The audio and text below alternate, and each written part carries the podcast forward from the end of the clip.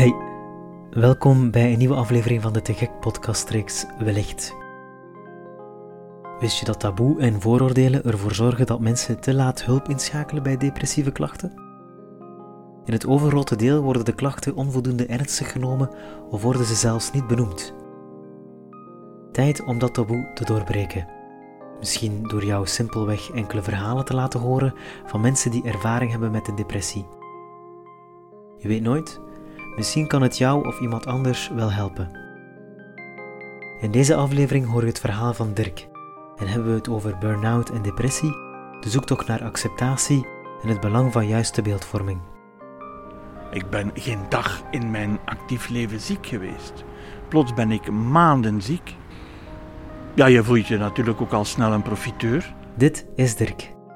We zitten tegenover elkaar op een roze bank in het Citadelpark en dronken net een koffie samen. Dirk is 65 en werkte de laatste 20 jaar als diplomaat, vooral in het buitenland. Op zijn 60ste belandde hij in een burn-out. Een burn-out is volgens hem een kwestie van energie. De tank, de batterij is leeg. Dus en dat was bij mij wel het geval door gedurende jaren geen evenwicht te hebben tussen uh, work-life balance. Waardoor je dus eigenlijk, zonder dat je het weet, langzaamaan uh, gewoon uitgeput geraakt. En dan gebeurt er iets, iets wat je stress of een bijkomende spanning levert. Uh, bij ons viel dat samen met een verhuis van het buitenland terug naar België.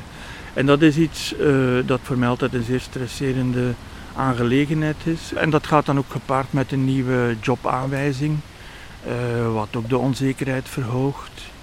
En op een bepaald moment zegt het lichaam, nu is het genoeg. We schakelen alles af. En dan merk je bijvoorbeeld dat je plots uh, voor een paragraaf uh, of twee zinnen op de computer, dat je daar al de ganse voormiddag op die computer zit te staren en dat het niet lukt. En dan, dan, ja, dan word je echt bang, dan denk je van, ja, hola, dit, dit is niet normaal. Zie je? Dus zo is dat een beetje begonnen, uh, waarvan ik dan ook dacht in het begin, uh, een maand vakantie uh, naar Spanje en dat is gedaan. Hè. Ik bedoel, eh, je denkt trouwens ook niet onmiddellijk aan burn-out. Je denkt van ja, ik ben wat oververmoeid en dat gaat wel over. Natuurlijk, na een maand blijkt dat niet over te zijn. Zolang als je zo in een burn-out zit, dan is het enige wat je wil, is zo snel mogelijk aan de slag gaan. Maar als je natuurlijk in dezelfde context terechtkomt als de context die het probleem teweeg heeft gebracht, ja, dan is het eigenlijk een disaster waiting to happen. En dus ik ben dan ook uh, hervallen, dat is dan ook gebeurd. En dan heb ik kennis gemaakt met een depressie. Voor de behandeling van de depressie klopte Dirk aan bij een psychiater. Maar de stap naar hulp zetten is niet altijd even gemakkelijk. Haha, dat is inderdaad dat is zeer moeilijk. Dat is zeer moeilijk omdat uh, als man ben je niet gewoon over je gevoelens te praten.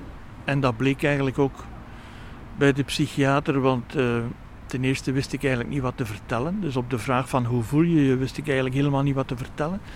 En in het begin moest ik dat gesprek voorbereiden. Dus, dus dan vroeg ik me op voorhand af, wat ga ik hem vertellen? En hopelijk neemt hij daar vrede mee. Wat dus niet het geval was, want hij wou dus wel weten wat ik voelde. En ik wist niet wat ik voelde. Dus dat, dat, is absoluut uh, in hoge mate oncomfortabel. En dan, ja, dan is het uh, ook een, een, een zoektocht naar wat kan mij helpen. Hè? Wat, naast de medicatie en de therapie, wat kan ik zelf gaan doen? Want per slot van rekening gaat het over mijn eigen leven. Dus, en dat heb ik dus ook gedaan. Dus op, op, op zoek gegaan naar dingen die mij uh, konden helpen, die mij, die mij tot rust konden brengen. Ik heb helemaal geen uh, yoga-lichaam, jammer genoeg. Uh, maar ik ben dus toch met yoga begonnen. En ademhalingsoefeningen, en da, da, daar heb ik heel veel aan gehad. Dat heeft, mij, dat heeft er toch voor gezorgd dat ik ook zonder medicatie redelijk kon slapen. Uh, om, maar te, om, om, maar te zeggen, dat proces is niet zo van, ah ja, bon, ik ben hier bij de psychiater, ik heb hier een paar pillen en dus dat is hier allemaal dik in orde. nee, want uiteindelijk, een goede therapie is niet iemand die zegt wat je moet doen, maar is iemand die erover waakt dat je zelf vindt wat je moet doen. je betaalt eigenlijk iemand om het proces te bewaken waarbij dat je toch zelf voor je gezondheid moet zorgen. Dus het is een persoonlijke zoektocht. Er startte niet alleen een zoektocht naar wat kan helpen, maar ook een zoektocht naar acceptatie. Ik ben geen dag in mijn actief leven ziek geweest. Plots ben ik maanden ziek. Ja, je voelt je natuurlijk ook al snel een profiteur. Hè. Je, denkt van, bon, op mijn leeftijd... Uh, zal zeggen, die, uh, die is aan het uitbollen. Die neemt het even uh, op zijn gemak. Dus je zit eigenlijk al gemakkelijk met een schuldgevoel met een gevoel voor schaamte. Ook eigenlijk in het begin een enorm gevoel van onbegrip. Hè. Je weet echt niet, je weet echt niet wat, er, wat er met je aan de hand is. Dit, is uh, dit had ik ook nog nooit meegemaakt. Een gevoel van schaamte en schuld, onbegrip. Het zijn gevoelens die nauw samenhangen met de taboe en de vooroordelen die nog bestaan rond depressie. Mensen hebben daar een beetje schrik van, hè? want uh, een enkel verstuiken, een been breken, dat zijn zo tastbare uh, accidenten, medische gevallen. Maar uh, het is wel zeer vervelend als je dus achter je rug hoort vertellen van uh, opgelet, want die heeft een depressie gehad.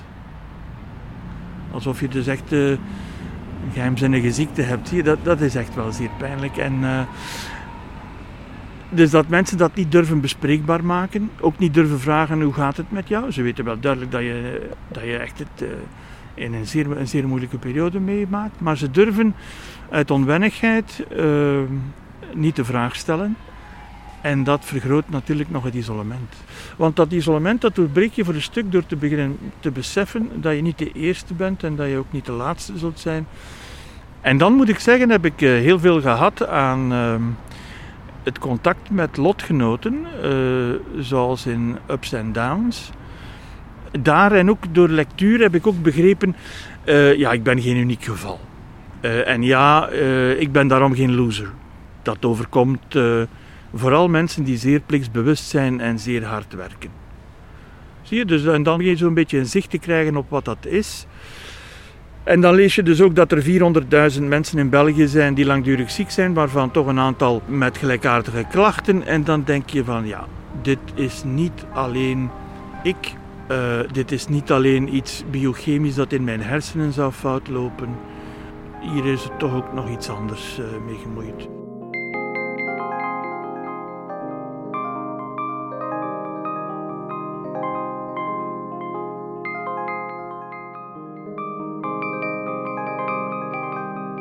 Dat is natuurlijk, uh, denk ik, eigenlijk het grootste probleem. We leven in een maatschappij van een compleet onechte beeldvorming, nog versterkt door de sociale media, waar men denkt dat perfectie uh, haalbaar is.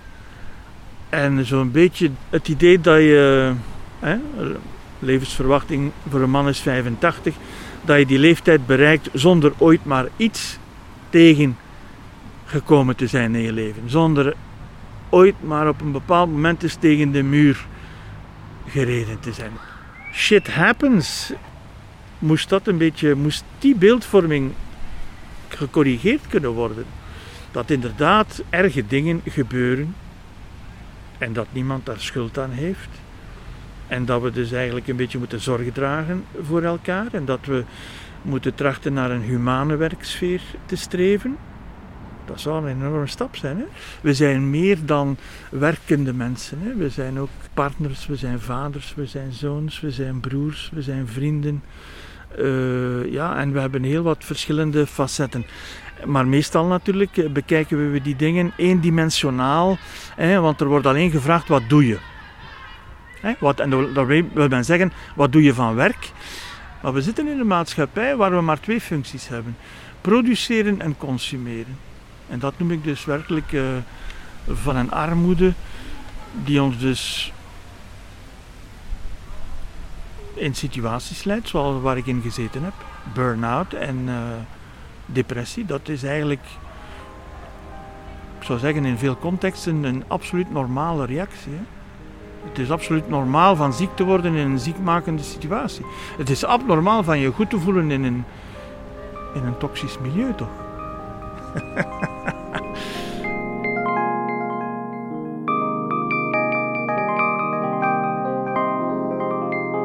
Je luisterde naar het verhaal van Dirk.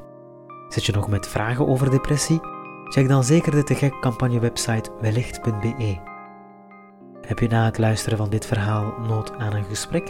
Je kan terecht bij teleonthaal op nummer 106 en de zelfmoordlijn op 1813. Mijn naam is Matthias Cornelli en ik maakte deze podcast samen met Esther Kolen in opdracht van Te Gek. Bedankt Dirk, bedankt ook Axel voor de muziek en bedankt aan alle mensen die mij gesteund hebben bij het maken van deze podcastreeks. Graag tot de volgende keer.